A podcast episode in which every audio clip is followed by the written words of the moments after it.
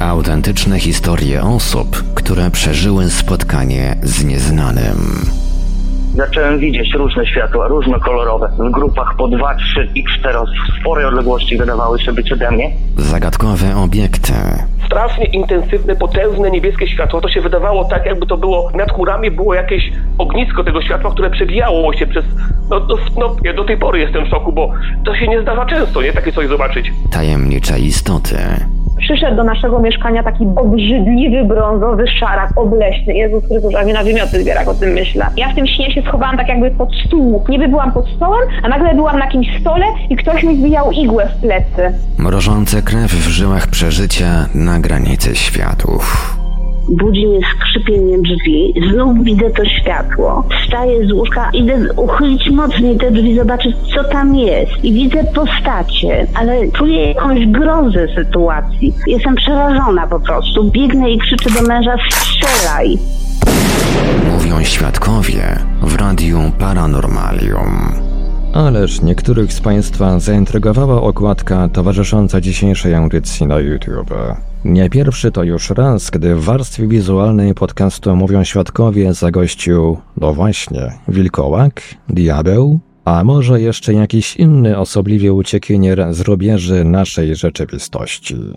Przy mikrofonie Marek Sankiewelios. Nie wiem, czy przy panujących obecnie temperaturach wypada witać gorąco, ale na pewno wypada przywitać Państwa serdecznie, szczególnie, że w dzisiejszym odcinku będziemy mieli kolejną, niezwykle intrygującą paranormalną spowiedź. Gdy omawiałem się na nagranie z moim dzisiejszym rozmówcą, początkowo zapowiadało się na krótkie przekazanie historii nasuwających skojarzenia z żywym folklorem. Z czasem jednak powychodziły różne ciekawe szczegóły dotyczące okolicy, w której doszło do tych obserwacji. I nie tylko. W trakcie rozmowy trochę sobie ze słuchaczem pospekulowaliśmy na temat opisanych przez niego postaci.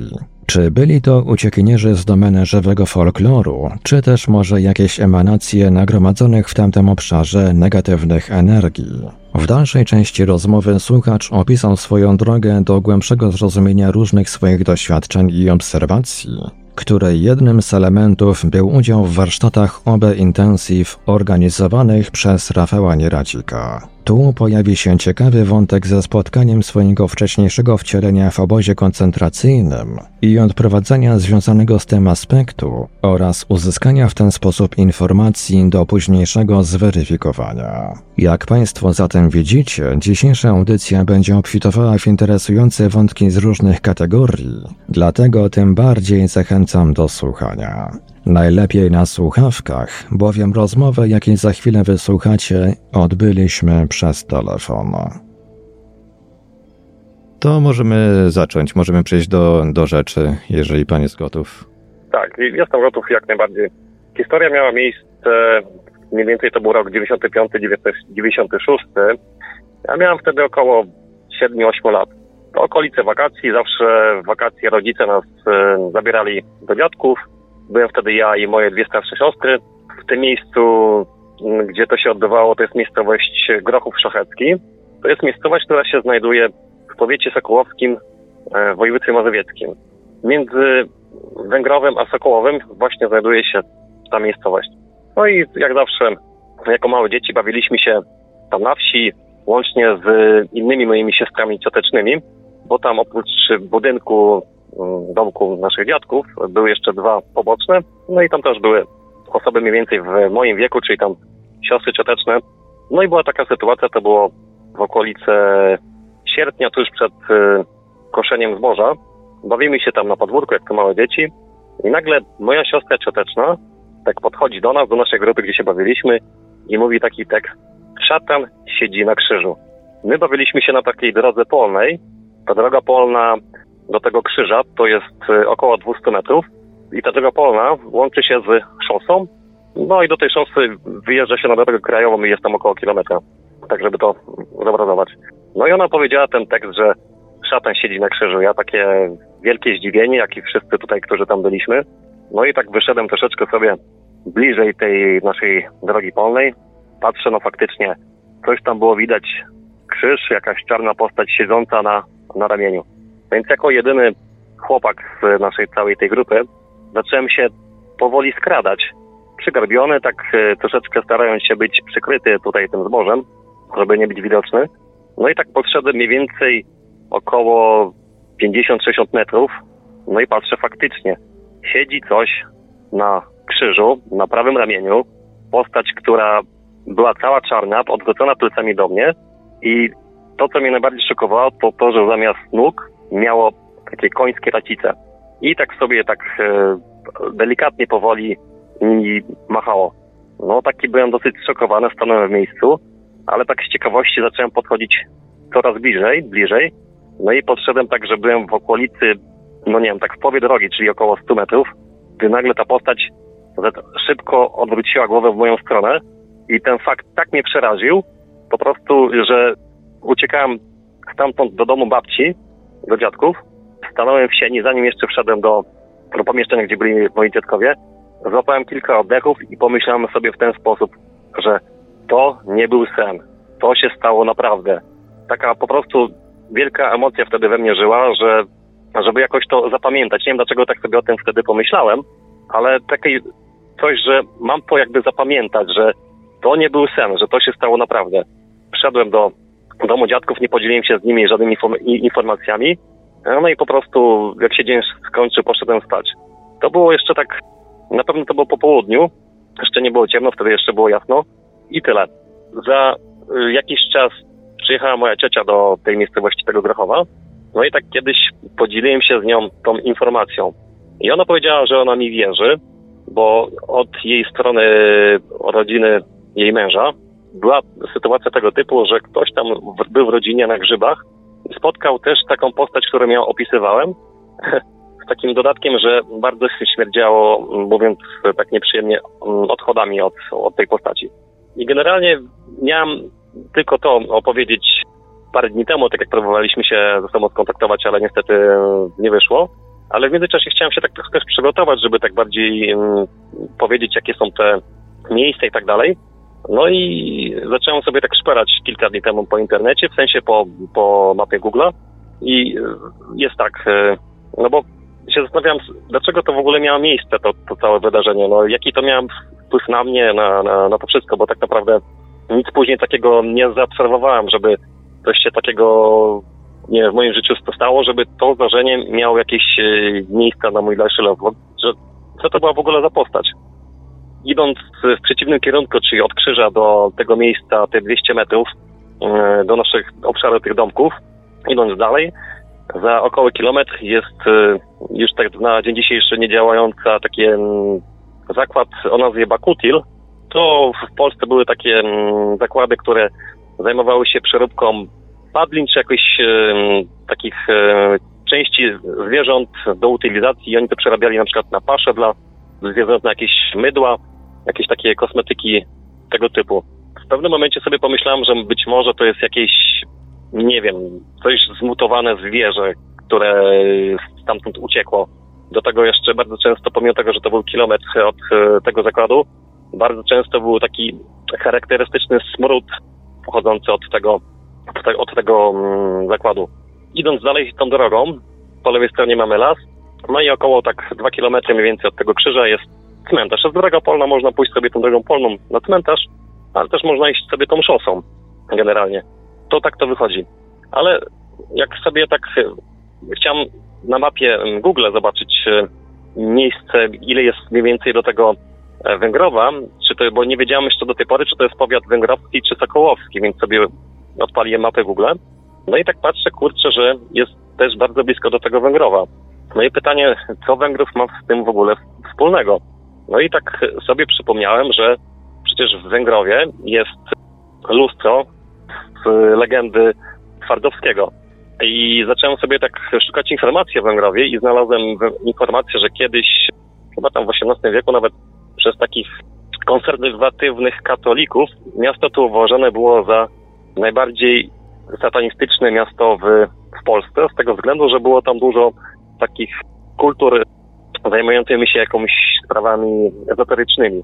No i plus do tego, że jest lustro Twardowskiego.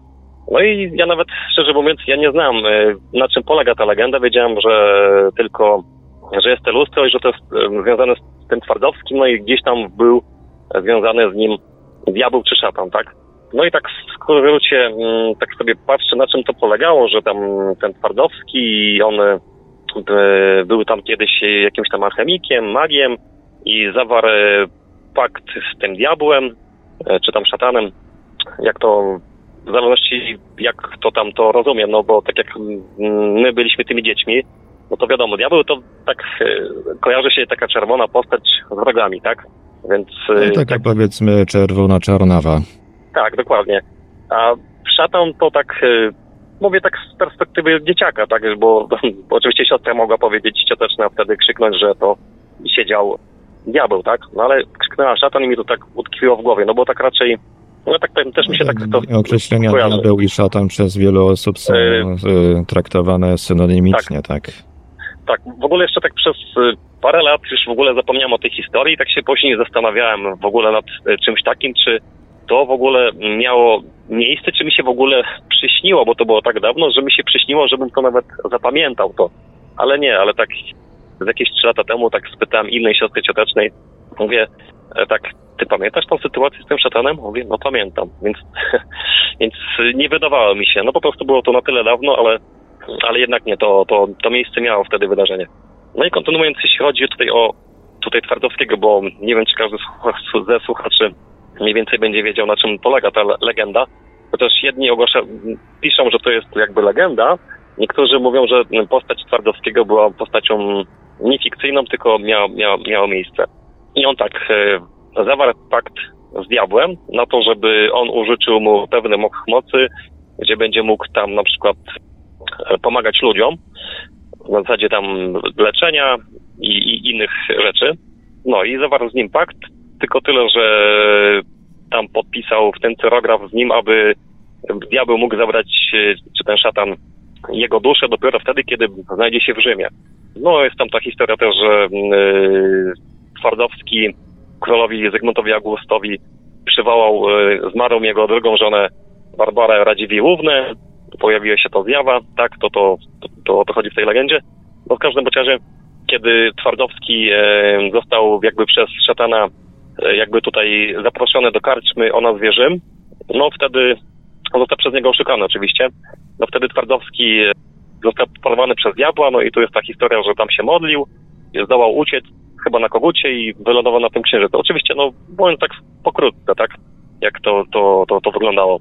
No, e... wiadomo, to jest dosyć, e, myślę, że tutaj słuchacze będą, będą wiedzieli mniej więcej tak, o, tak. No, o jakie motywy tak chodzi. Ale tutaj związek tej, tej okolicy, tego wydarzenia z postacią Twardowskiego on daje na pewno dużo do myślenia. Natomiast ja mam tutaj takie pytanie, e, właściwie kilka pytań. Czy byliście pewni tak na 100%, że była to jakaś taka humanoidalna postać z raciczkami, a nie na przykład jakiś, nie wiem, duży ptak czy coś? Nie, nie, bo e, znaczy pewne to mogę być tutaj tylko powiedzieć ze swojej osoby, bo jako najbliżej podszedłem z naszej grupy, właściwie nasz, jako jedyny i stałem po prostu jak wryty i się przyglądałem e, tak naprawdę co to w ogóle jest, odwrócona do mnie plecami, cała czarna postać, no i przede wszystkim to, że tak te końskie racice, tak, jak to, to też czarne całe, to mi dało takiego naj, największego szoku. I dwa, że no też yy, tak później patrzyłem, kurczę, jednak na ten krzyż, no to chyba tak wysoko jest, żeby tak się wdrapać. Oczywiście nie jest to nie niemożliwe, tak, ale, yy, ale no to coś się wdrapało. No i się też zastanawiałem, dlaczego w ogóle to się działo na ramieniu krzyżu. I e, sobie tak to mm, tłumaczyłem, że ta postać, ten byt, nie wiem, na przykład sobie rozmawiał z Jezusem, który był przybity na, na tym krzyżu, oczywiście w sensie mm, jako figurka, tak? Nie jako tam człowiek w postaci Jezusa. Być może tam była jakaś rozmowa, być może oni rozmawiali o mnie, ja sobie to tak w większości tak czasu tłumaczyłem, że może to jest to, że oni brali jakiś zakład, że jeśli ja zobaczę jakiś byt, to że mm, zmieni się na tyle moje postępowanie, na tyle moje życie, że na przykład da mi to pewien rodzaj dowodu, na przykład, że coś jest więcej niż tylko ten świat i że mam żyć e, zgodnie, powiedzmy, w cudzysłowie z nauką chrześcijańską. No, tak sobie to, to tłumaczyłem wtedy to zjawisko. E, Można tak- tutaj też pointer- pointerpretować, że to mogła być jakaś, nie wiem, materializacja jakichś ciemnych energii, które z, z racji braku szacunku do symboli chrześcijańskich e, postanowiły się zmaterializować w, w postaci takiego ni to człowieka, ni to zwierza i sobie po prostu usiąść na tym krzyżu, prawda? Jak najbardziej. Tutaj też jak jeszcze szparałem po, po tych mapach, a wziąłem sobie map View, żeby sobie zobaczyć jak to to wygląda, czy w ogóle tam jest e, to miejsce. No i sobie kliknąłem na ten krzyż i patrzę, że tam jest taki troszeczkę, jak mówiąc e, kolokwialnie, tak troszeczkę No tutaj tu błąd się, w tu, się, tu się pojawiła bolączka właśnie wynikająca ze sposobu działania aparatu w smartfonie. Bo to nie, Tak. nie obejmuje jakby całego kadru, tylko skanuje tak pasek po pasku, tak? Tak, tak, to dokładnie. Akurat jak sobie prze, przejechałem po tej mapie tak dosyć długą drogę w jedną w drugą stronę i akurat na tym krzyżu jest taki troszeczkę błąd, że tak powiem w Matrixie, jest taka troszeczkę odbitka. Ten krzyż, który jest aktualnie na w dniu dzisiejszym, on jest y, krzyżem, który jest od 2001 roku. Starego nie ma, bo on był już dosyć stary i po prostu został na jego miejsce odbudowany nowy krzyż. E, Ale to tak wygląda troszeczkę na tym zdjęciu, na tych mapach, jakby to było cień tego starego troszeczkę.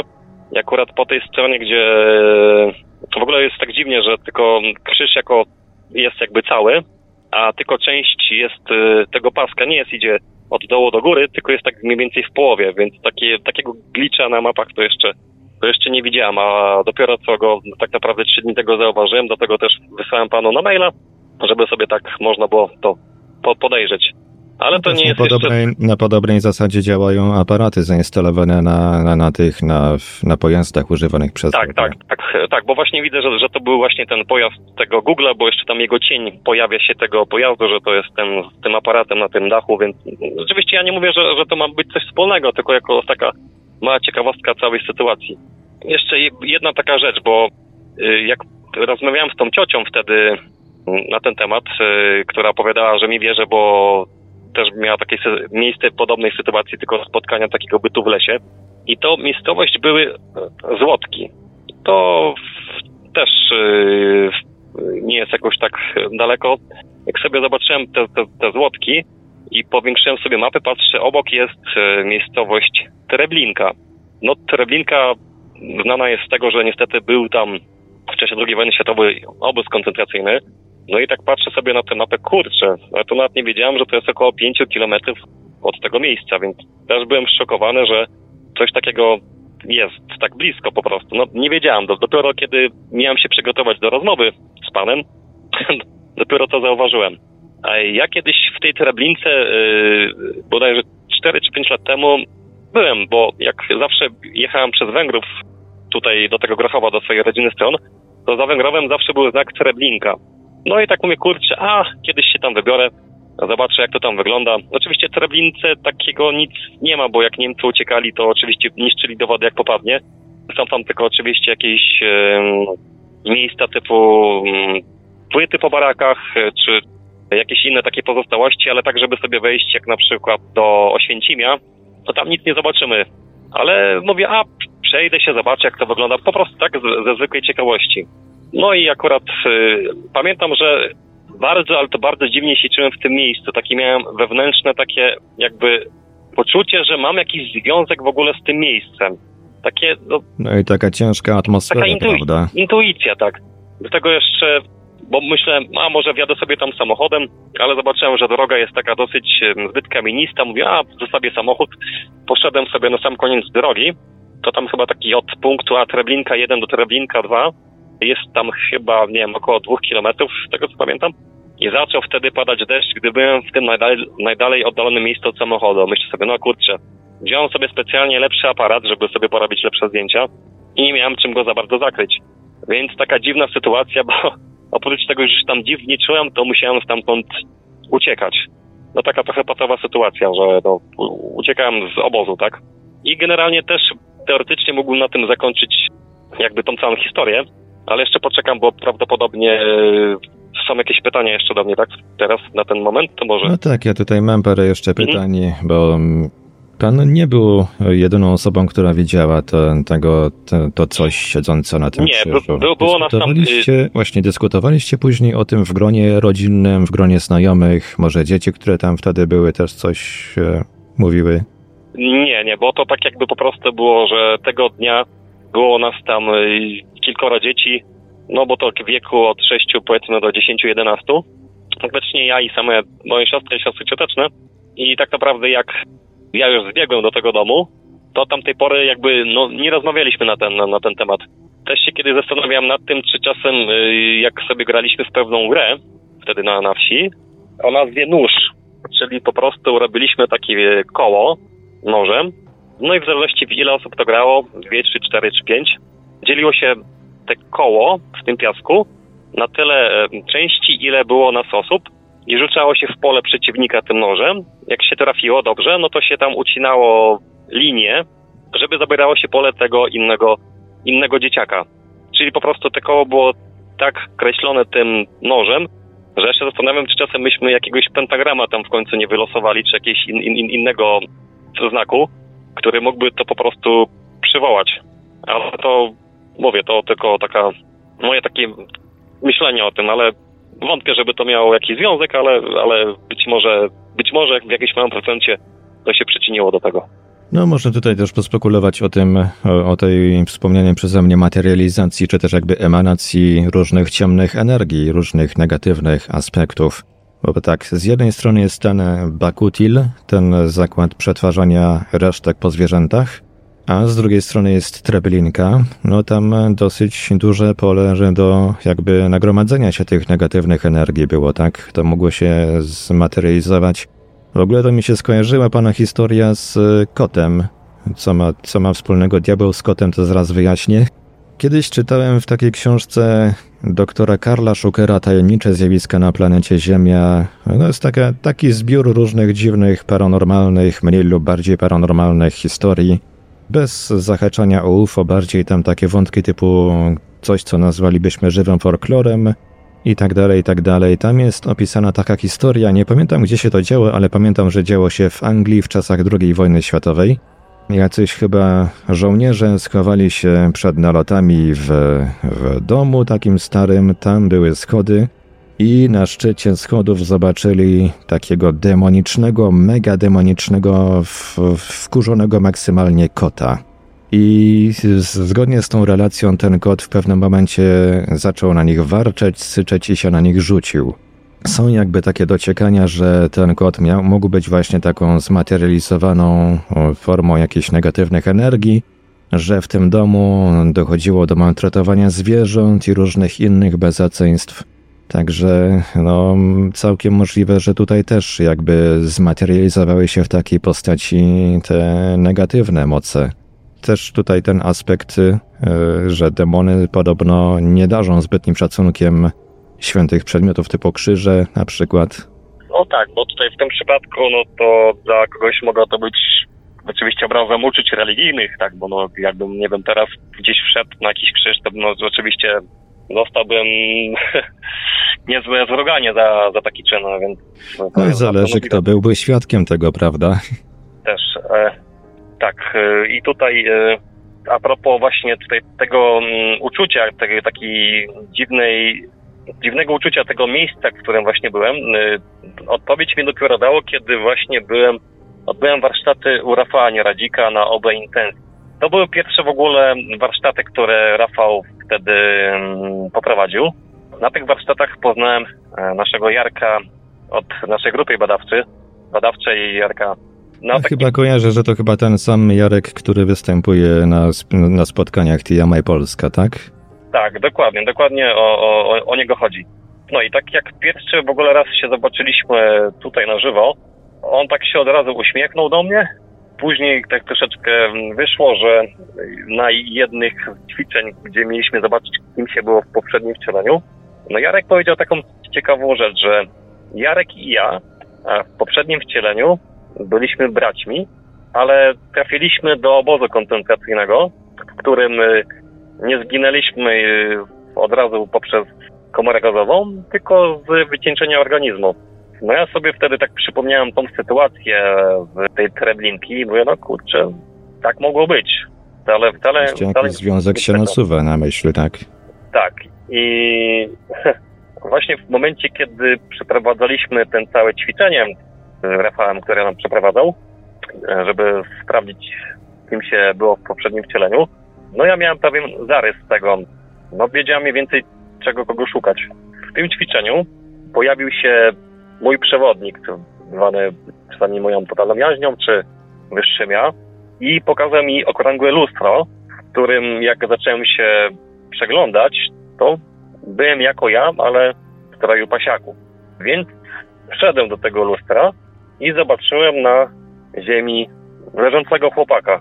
No jakoś tak niewiele myśląc, wziąłem go na ręce i myślę sobie, a wyciągnę go stąd i być może go odstawię do miejsca zwanego parkiem.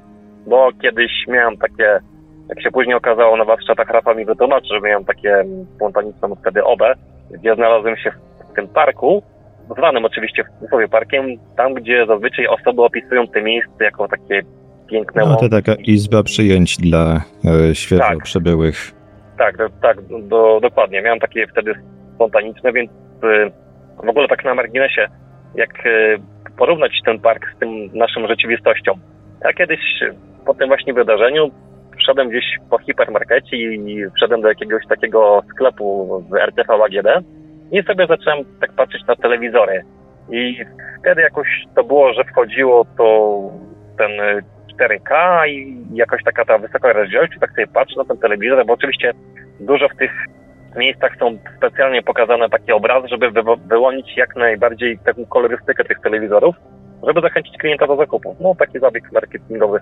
No i tak sobie patrzę i tak mówię, kurczę, i sobie przypomniałem właśnie to, co wtedy widziałem w tym parku, że to jest właśnie taki obraz, taki żywy tego wszystkiego, tylko po prostu w formie 3, a nawet 4D, no bo oprócz tego czuje się tam i wiaterek, i trawka pod stopami, no.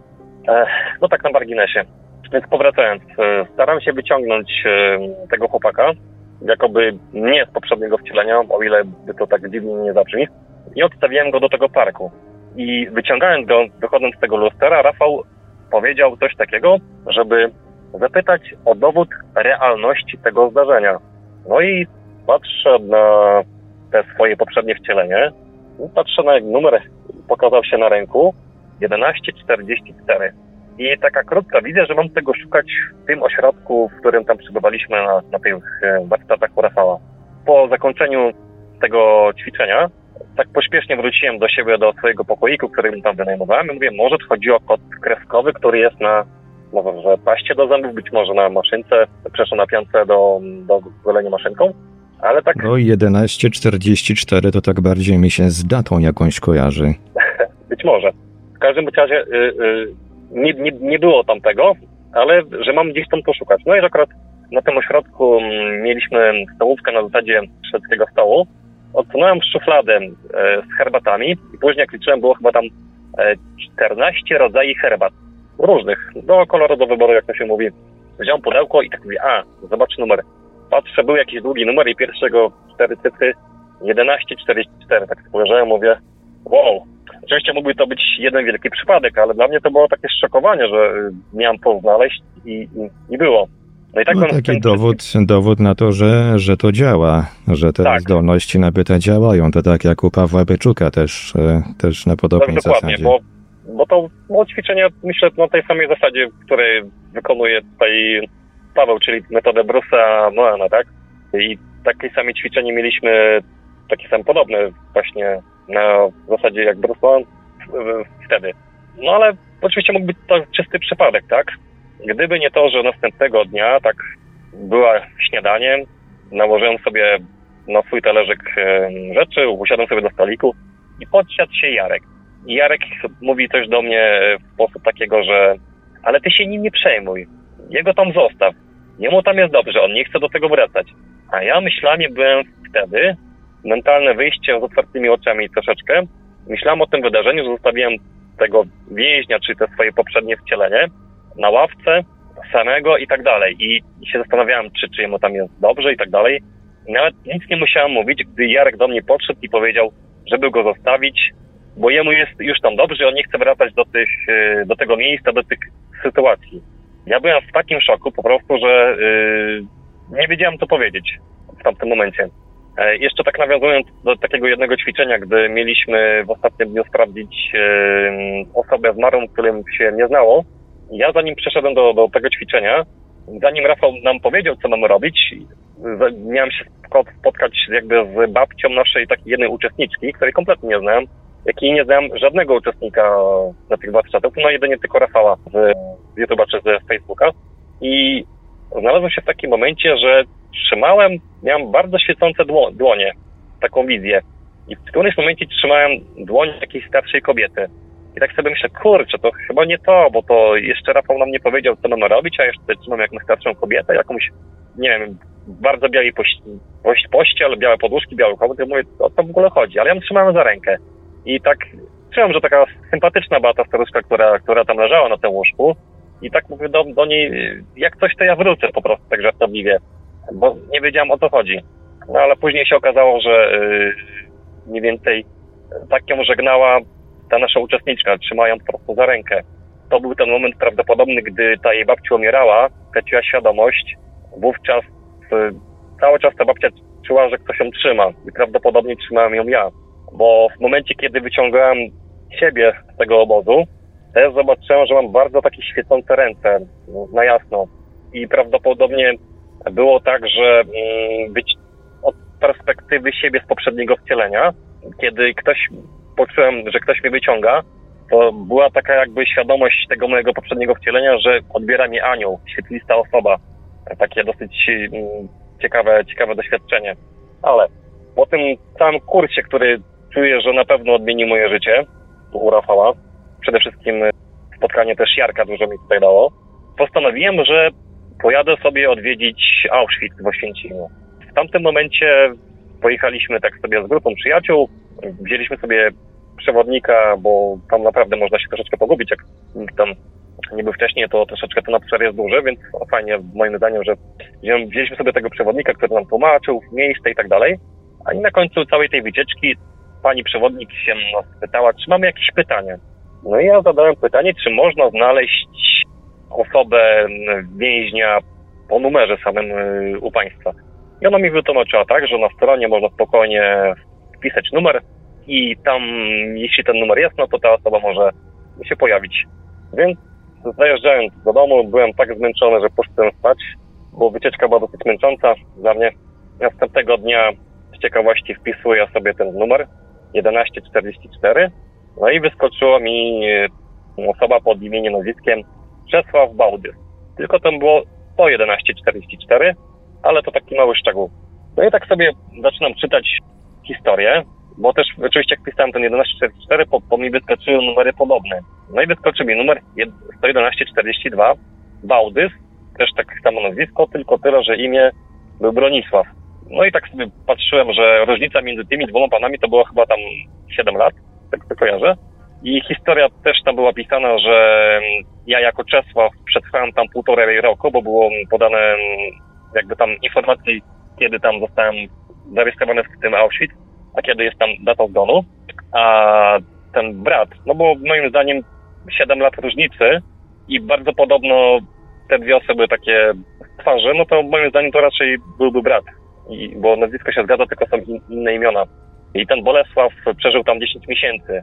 Czyli potwierdziło się to, co mówił Jarek rok wcześniej, że my byliśmy braćmi, zginęliśmy w obozie, ale nie poprzez komory gazowe, tylko z wycieńczenia organizmu. I to, to się zgadzało po tym numerze 1144. Jakiś czas później zacząłem sobie zastanawiać się, kurczę, co w ogóle znaczy ten numer. No i tak sobie korzystając najprościej oczywiście z internetu, zobaczyłem, że to jest informacja taka, że niedługo nadejdzie miłość, czy, czy coś takiego. Ja w tym momencie mam 35 lat i dopiero od roku czasu znalazłem miłość. Ja przez całe swoje życie nie mogłem sobie po prostu nikogo znaleźć. No, jakiś a to pecha, to nic. A tutaj, no, pokazał się ten, ten numer i niedługo później, no, jestem w związku. Więc taka dosyć ciekawe w ogóle udowodnienie tego, co, co było na tych warsztatach. Czyli oprócz tego, że był ten numer na tej herbacie, to jeszcze oprócz tego to, co mówił Jarek, więc y, taki, mam taki fajny wzór niektórych dowodów e, tego, tego No taki ciekawy przekaz, który można interpretować, e, który, może się właściwie, można powiedzieć, sprawdzić na wielu różnych sposobów, prawda? Tak, tak. No ja się czasami śmieję, jak czasami do kogoś opowiadam. Mm, Oczywiście tam, co tam było więcej na warsztatach, nie chcę zdradzać, żeby tutaj Rafałowi nie robić jakoś, nie wiem, żeby za dużo nie powiedzieć, tak, no bo moim zdaniem to po, powinno się pójść i doświadczyć. Mi się tutaj bardzo po, podobają słowa Bruce'a Noena, że nie wierz mi, po prostu spróbuj. No to jest naj, najlepsza, moim zdaniem, e, metoda. I nawet tak z I ciekawości... też słowa Toma Campbella, wszystko jest prawdziwe. Tak, tak. Nawet z ciekawości sobie zrobiłem takie ćwiczenie wczoraj, że tak próbowałem mm, takiej podróży mentalnej, ale żeby sobie zobaczyć krzyż. Bo pomyślałem sobie, a może w ten sposób, może zobaczę tą postać z tamtego okresu. I faktycznie miałem takie kilkusekundową urywkę tego krzyża, ale nie widziałem żadnej tam postaci. No ale po prostu tak sobie pomyślałem, a może spróbuję, może coś, coś w tą stronę e, się uda, no ale są jeszcze inne możliwości, bo teoretycznie mógłbym też zapytać Jarka, żeby mi wytłumaczył, jak to to wyglądało, jaki to miał przekaz, ale stwierdziłem, że będę miał chyba większą frajdę, jak tam dojdę do, do prawdy, dlaczego tamto zdarzenie z dzieciństwa miało jakby jakieś znaczenie czy wpływ na, na, na to tutaj moje życie. No to zawsze daje, daje największą frajdę, jak się samemu coś zweryfikuje, prawda? No ja tak, Tak, no mam, ja miałem kiedyś, e, ja czasami wspominam o takiej mojej przyjaciółce Emilii. Miałem taki kiedyś e, na przykład motyw, że jestem sobie w Katowicach, chyba też o tym kiedyś wspominałem, załatwiam tam jakieś swoje sprawy, już mam się zbierać do domu, już idę na przystanek, a tu nagle wszystkie moje myśli zostają wymazane myślą o białym kocie. Biały kot, biały kot, biały kot, biały kot. W tym czasie przez kilka dni, bo ją odprowadziłem w trakcie medytacji do, do światła, też do tego parku. Jakieś dwa tygodnie po tym odprowadzeniu przez kilka dni powtarzała mi się w głowie taka prośba, czy byłbyś taki uprzejmy i sprawdził, czy w goglu ktoś się pode mnie nie podszywa. A w końcu jak ten biały kot się pojawił, jak już w ten sam wieczór e, pojawiła się po raz nie wiadomo który ta sama prośba w głowie, to w końcu spasowałem i zacząłem wrzucać do Google Grafika jedno zdjęcie, drugie zdjęcie, trzecie zdjęcie, wszystkie zdjęcia, jak do jakich miałem dostęp i zaprowadziło mnie na jej Instagrama, a tam co? Biały kot. Okej. I tak coś mi po- podkusiło jakieś parę dni później, żeby sprawdzić, e, co ten kot może oznaczać w senniku. I się okazało, że to jest symbol szczęścia, spokoju i błogości. O, to ciekawe. Także też E, taki ciekawy motyw mam. I to nie jeden. Tak. E, Jedną z takich e, podróży mentalnych, e, które zrobiłem, pierwsze takie po warsztatach u Rafała, żeby pomóc e, przyjaciółce, której w sumie to dopiero co poznałem, a na dzień dzisiejszy właśnie jesteśmy ze sobą. Jej największym marzeniem zawsze było, żeby odwiedzić grup taty. Jak ona miała około 4-5 lat, jej mm, tata zmarł i nie wiedziała, gdzie on jest pochowany. Ja podchodziłem do tego trzy razy, e, do, do tego ćwiczenia. Za każdym razem jakieś nowe informacje dostawałem, ale najbardziej takie, które mi utkwiło w głowie, to było to, że po prostu chciałem go się zapytać, e, gdzie jest jego grób. Więc e, on mi coś tam zaczął mówić e, po niemiecku, ale ja tak mówię, że ja tak nie bardzo niemiecki rozumiem, więc pokazał mi mapę i punkcik na tej mapie, że to jest to miejsce. Więc się szybko przebudziłem, ocknąłem z tego, żeby wziąć kartkę, długopis i szybko zapamiętać jakiś szkic taki porobić tego miejsca. Wcześniej oczywiście tam widziałem, e, że to jest jakieś miejsce, gdzie jest Wiedziałem, że za plecami mam autostradę lub trasę szybkiego ruchu, ale tego nie widziałem, ale po prostu to czułem. Przed sobą miałem jakieś takie domki, około maksymalnie dwupiętrowe, takie budownictwo, no właśnie nie jest spotykane w Polsce, ale, ale coś takiego właśnie zauważyłem. Szukałem nawet jakichś e, grafik podobnych w, w internecie, ale aż takich podobnych nie znalazłem. Wszystko wysłałem wówczas swojej przyjaciółce, żeby jej powiedzieć, e, jak to wygląda. Oczywiście ona w to nie wierzyła, bo tego sceptyczna, ale ja mówię do niej, wiesz co, ja nie mam powodów, żeby tutaj ci jakby oszukiwać czy coś. Ja mówię, jestem w tym żółtodziobem w tych sprawach, ale to, co się dowiaduje, to wiemy. No i to się okazało. Mój brat cioteczny, który zapewne mieszka w Niemczech, poprosiłem go, żeby zadzwonił do pewnego miejsca e, w miejscowości Zweinbrücken, teraz to już się nauczyłem tego wymowy, bo mówi, okej, tu jest to miejsce mniej więcej na tej mapie, tu faktycznie jest jakaś trasa szybkiego ruchu, tu jest cmentarz i zadzwoni i faktycznie okazało się, że tam od prawie 20 lat jest ta osoba, którą e, moja wówczas przyjaciółka, tą na dzień dzisiejszy dziewczyna poszukiwała. Więc y, mieliśmy taki fajny motyw, bo ona chciała oczywiście pojechać do tego taty i odwiedzić ten grób, a ja byłem mega ciekawy tej wizji, tej, tego miejsca, tych domków i to, co miałem za plecami, żeby sobie zobaczyć to na żywo, bo to można było zweryfikować. No i kurczę, mm, nie zawiodłem się, że to są rzeczy, które kurczę można zweryfikować. I to jest dla mnie kolejny taki dowód, który pcha mnie w tym kierunku jakby do przodu i jestem coraz bardziej ciekawy mm, tego świata, tych rzeczy, których w ogóle mm, jeszcze kilka lat temu jakbym komuś, no, no, ktoś by mi to opowiadał, to bym tak samo był sceptycznie do tych rzeczy nastawiony, bo powiedział, co ty mi to w ogóle mówisz, tak? Ale właśnie to jest to, że po prostu trzeba próbować, doświadczyć i to jest najlepsze, to, to może nam tutaj zostać, tak? Przede wszystkim. No, najważniejsze to mieć zaufanie do swoich e, doświadczeń, do swoich zdolności nabytych, bez e, oglądania się, prawda, na innych, co, co inni powiedzą. Tak.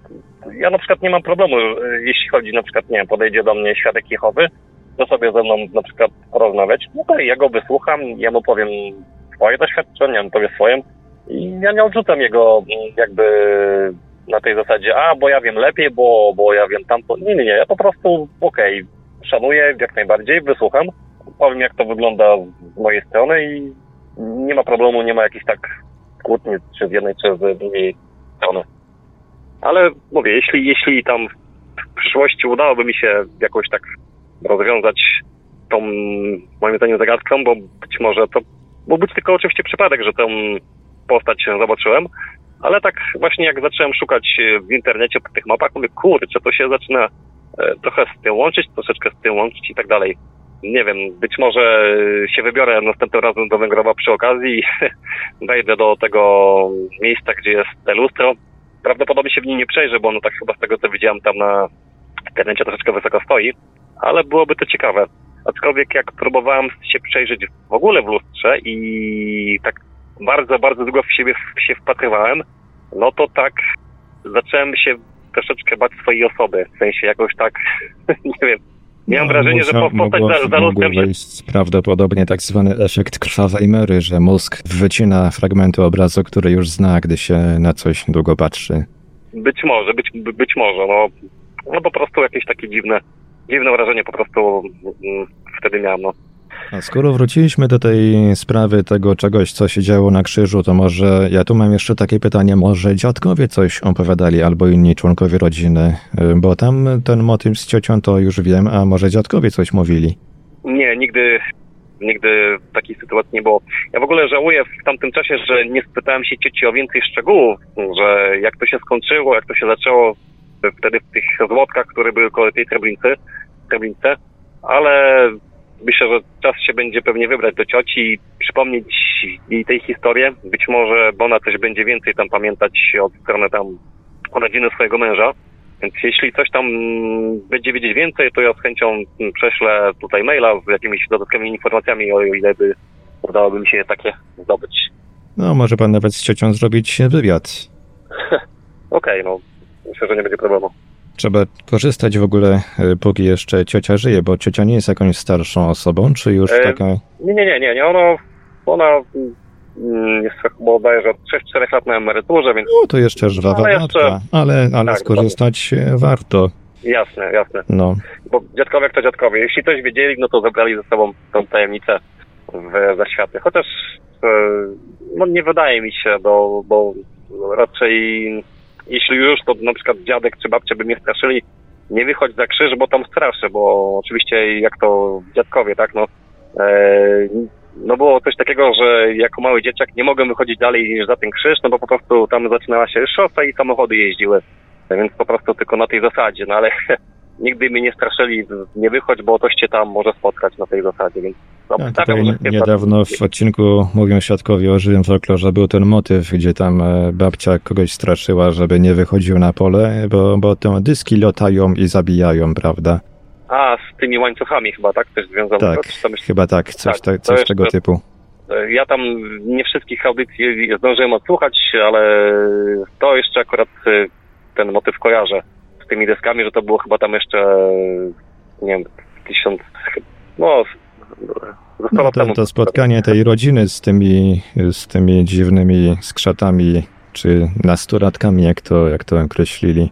No tak, ja w, dlatego mniej więcej chciałem się zgłosić tutaj, porozmawiać z panem na ten temat, bo po prostu jestem ciekaw, czy ktoś miał taką podobną sytuację, czy taką podobną postać spotkał, bo i myślę, że jeśli ja to spotkałem i tam w tej okolicy Złotek, więc jest duża szansa, że nie jeden człowiek jeszcze widział takie coś, taki byt. No ja tutaj mam e, z adnotacją, żeby tego jeszcze nie emitować, mam takie, e, ale mogę powiedzieć w skrócie, że mam zgłoszenie chociażby o obserwacji jeźdźca zakapturzonego, takiego dziwnego, czarnego jeźdźca zakapturzonego.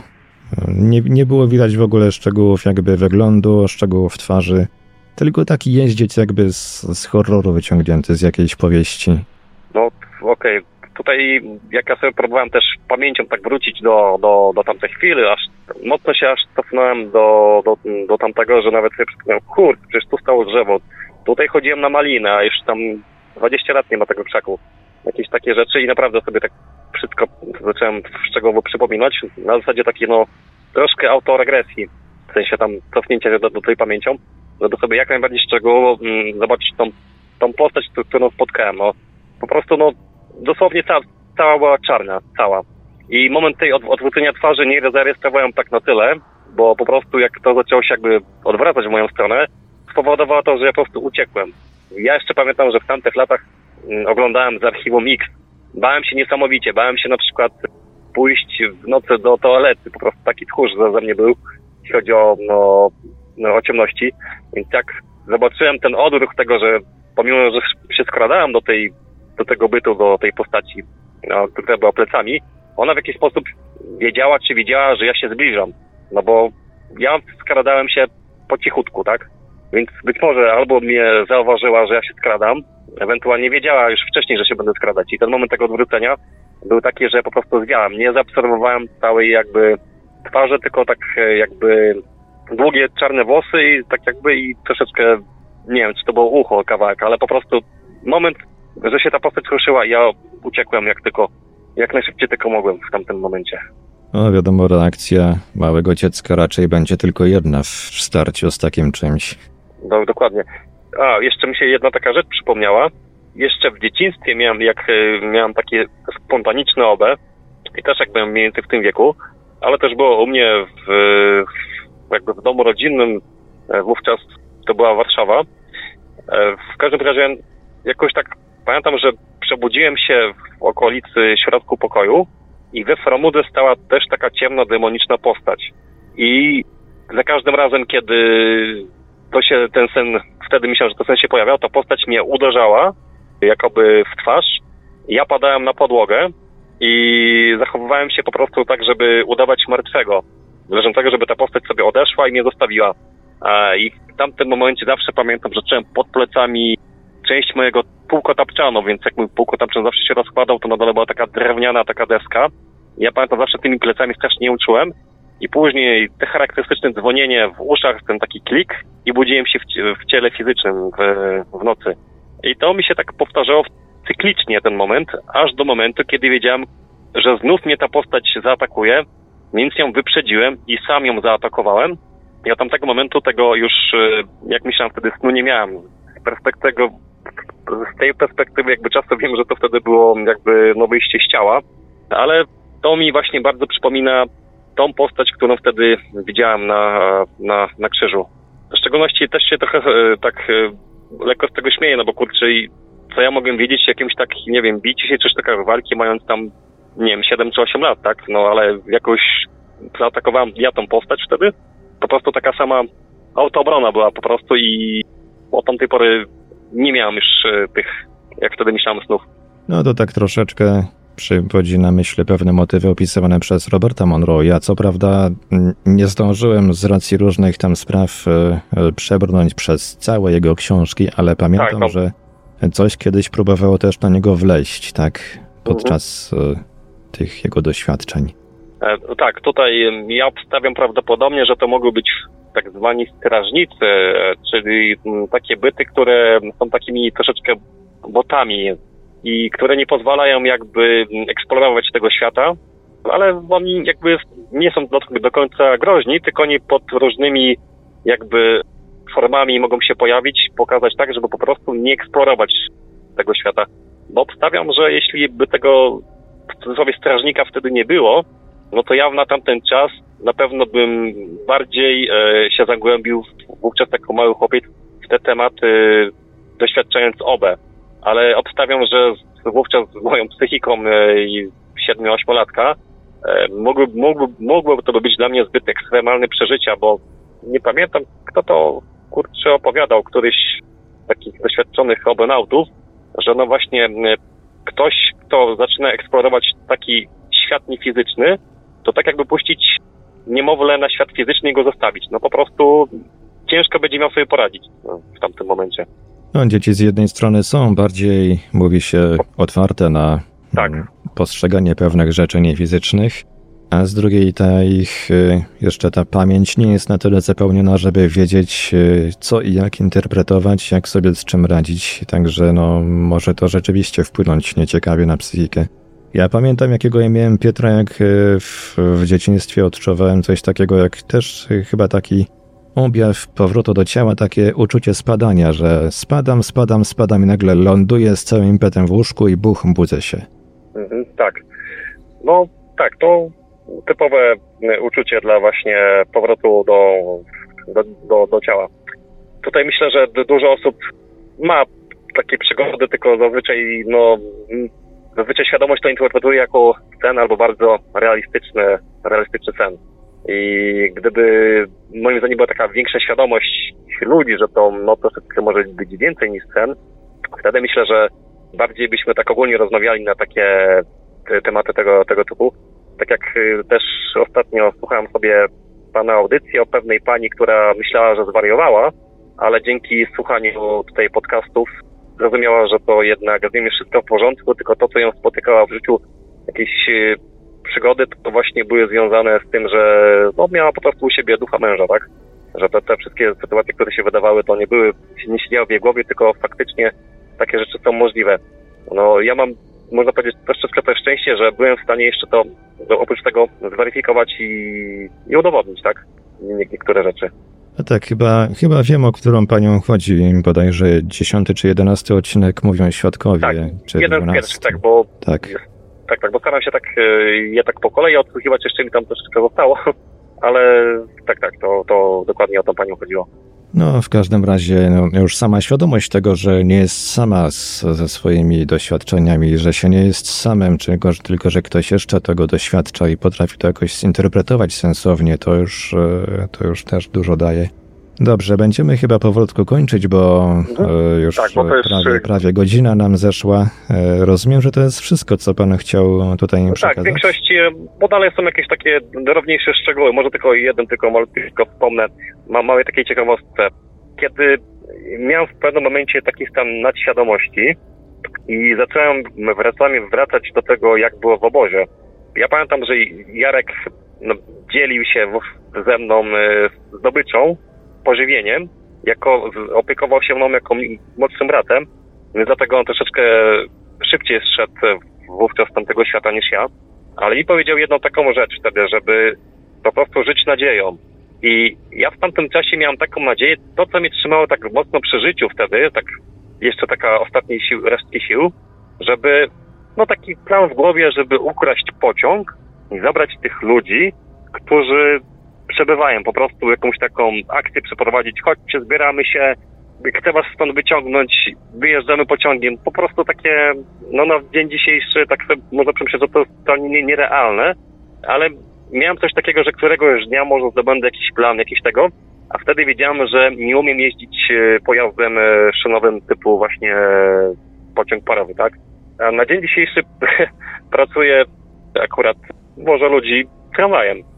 I zawsze się zastanawiałem, dlaczego ja mam taką głupią satysfakcję, jak podjeżdżam w miejsca, gdzie jest ich najbardziej gęsto tych ludzi I mam satysfakcję, że im ich więcej zabiorę, tym się czuję lepiej. No bo z jednej strony, kurczę, no to zawsze jest większy problem, no bo to się stoi, więcej czasu się traci. Mm, Trzeba potem ten czas gonić. Jedzie się szybciej, jest niebezpieczniej. Jest większa szansa, że się trafi jakiś awanturujący pasażer, bo powie, że na przykład jednemu jest za zimno, drugiemu za, za gorąco, no bo to wiadomo, są sytuacje losowe. Y, Zawsze się oczywiście najlepiej jeździ, kiedy jest najmniej ludzi, jest pusto i tak dalej, no bo wtedy jest jakby taki lepszy komfort psychiczny, tak, no bo jest mniej. Ja się wtedy zastanawiałem, skąd mi się to wzię, wzięło, taka ta satysfakcja. No i potem sobie właśnie uświadomiłem wtedy, że chciałem tych ludzi z obozu zabrać i tam nadzieja mnie cały czas trzymała, że to zrobię, to zrobię, taka motywacja i na dzień dzisiejszy z wielką satysfakcją wożę ludzi. No jakby nie było, ratuje ich pan od y, y, dalszego stania tam. No tak, jest tak. to, nie jest to komfortowe dla nich na pewno. y, Stać jak najdłużej. No, Wiem, bo dużo, dużo jeździłem kiedyś do Sosnowca, studiowałem. Co wystałem i wysiedziałem to moje, także też kierowcy mnie ratowali.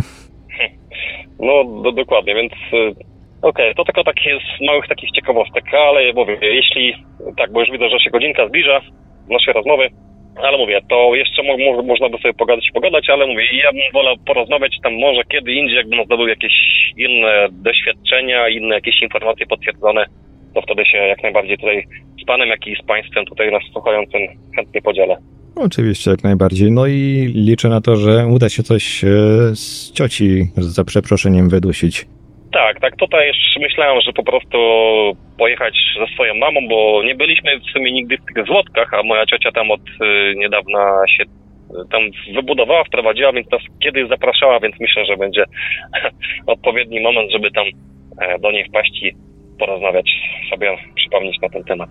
No, na pewno warto taką dłuższą rozmowę. Może mamie też się coś przypomni, może, może się coś przypomni mamie i cioci, coś, co mogły zasłyszeć od e, dziadków na przykład. No, no, no, w sumie kurczę nie pytałem. Mm, Także Być może. warto, warto podpytać. Dziękuję bardzo za to, że zechciał się pan podzielić tymi tutaj zdarzeniami, szczególnie tym diabłem na tym krzyżu, czy co to tam się działo. Tak. No to też taki wątek zahaczający o żywy folklor, prawda? Tak, właśnie ja z- tego tytułu właśnie chciałem tak, na początku się tam nagrałem, że chciałem właśnie porozmawiać o żywym folklorze, ale tak jak zacząłem właśnie szukać, dosłownie trzy dni temu, y, chciałem się przygotować do tej rozmowy, no i tak zacząłem sobie pewne łączyć fakty, o kurczę, to trochę ma z tym związek, troszeczkę to z tym, więc kurczę, fajnie byłoby się podzielić, y, myślałem, no czymś większym, tak? Bo tak jak mówię, się Weszliśmy- śmieję, Tak, wyszliśmy od żywego folkloru, a przeszliśmy przez zaświaty, można powiedzieć. Tak, no dokładnie. A aczkolwiek jak myślę, że w jakimś stopniu folklor i ze światem mają, mają, mają coś No, wspólnego. na, na, nawet, nawet dużo bym powiedział mają wspólnego. To są w, w zasadzie światy, które się przenikają z naszą rzeczywistością. Dokładnie tak. I to tyle, jeśli chodzi o relacje przekazane przez tego słuchacza. Dajcie znać w komentarzach, co sądzicie o usłyszanych dziś historiach. Ja jeszcze tylko dodam, że opisanymi dziś obserwacjami istot przypominających diabły mocno zainteresował się Arkadiusz Miazga. I z tego co mi wiadomo, to Arek i nasz rozmówca nawiązali ze sobą kontakt. Czy wyniknie z tego jakaś interesująca publikacja, okaże się za jakiś czas. A dziś już pora powiedzieć dobranoc. Pamiętajcie, żeby zadbać o odpowiednią temperaturę w sypialni, no bo przecież w piekarniku to tak średnio przyjemnie się śpi. A jeśli macie jakieś swoje niezwykłe historie o spotkaniach z nieznanym i chcielibyście się nimi podzielić, zapraszam do kontaktu. Mówił do Państwa Marek Sękiewelios. Radio Paranormalium, paranormalny głos w Twoim domu. Dziękuję za uwagę. Dobranoc i do usłyszenia w kolejnych naszych audycjach. Śledźcie zapowiedzi na naszej stronie internetowej www.paranormalium.pl oraz na naszych profilach społecznościowych. No i czytajcie, czytajcie i jeszcze raz czytajcie Nieznany Świat, bowiem nowy numer w punktach prasowych czeka właśnie na Was. Tych z Państwa, którzy przeżyli coś nietypowego i chcieliby nam o tym opowiedzieć, zapraszamy do kontaktu. Nasze numery telefonów to stacjonarny 32 746 0008, 32 746 0008, komórkowy 530 620 493, 530 620 493, skype radio.paranormalium.pl radio.paranormalium.pl Numer gadu gadu 3608 8002 3608 8002 Czekamy także na Państwa e-maile pod adresem radiomałpa-paranormalium.pl radiomałpa-paranormalium.pl Gdyby przy naszych telefonach nikt nie dyżurował, prosimy o nagranie wiadomości głosowej bądź wysłanie SMS-a. Bardzo prosimy o sprecyzowanie, w jakiej sprawie chcą się Państwo z nami skontaktować. Słuchaczy dzwoniących z numerów zastrzeżonych lub z zagranicy prosimy ponadto o podanie numeru, na który mamy oddzwonić. Wszystkim świadkom gwarantujemy pełną anonimowość. W razie wykorzystania zapisu rozmowy w którejś z audycji istnieje możliwość zmiany barwy głosu. UFO Relacje, polska baza relacji o obserwacjach UFO www.uforelacje.pl. Podziel się już dziś swoją obserwacją. Czekamy na relacje współczesne oraz z lat ubiegłych. Wszystkim świadkom zapewniamy pełną anonimowość. UFO Relacje, polska baza relacji o obserwacjach UFO www.uforelacje.pl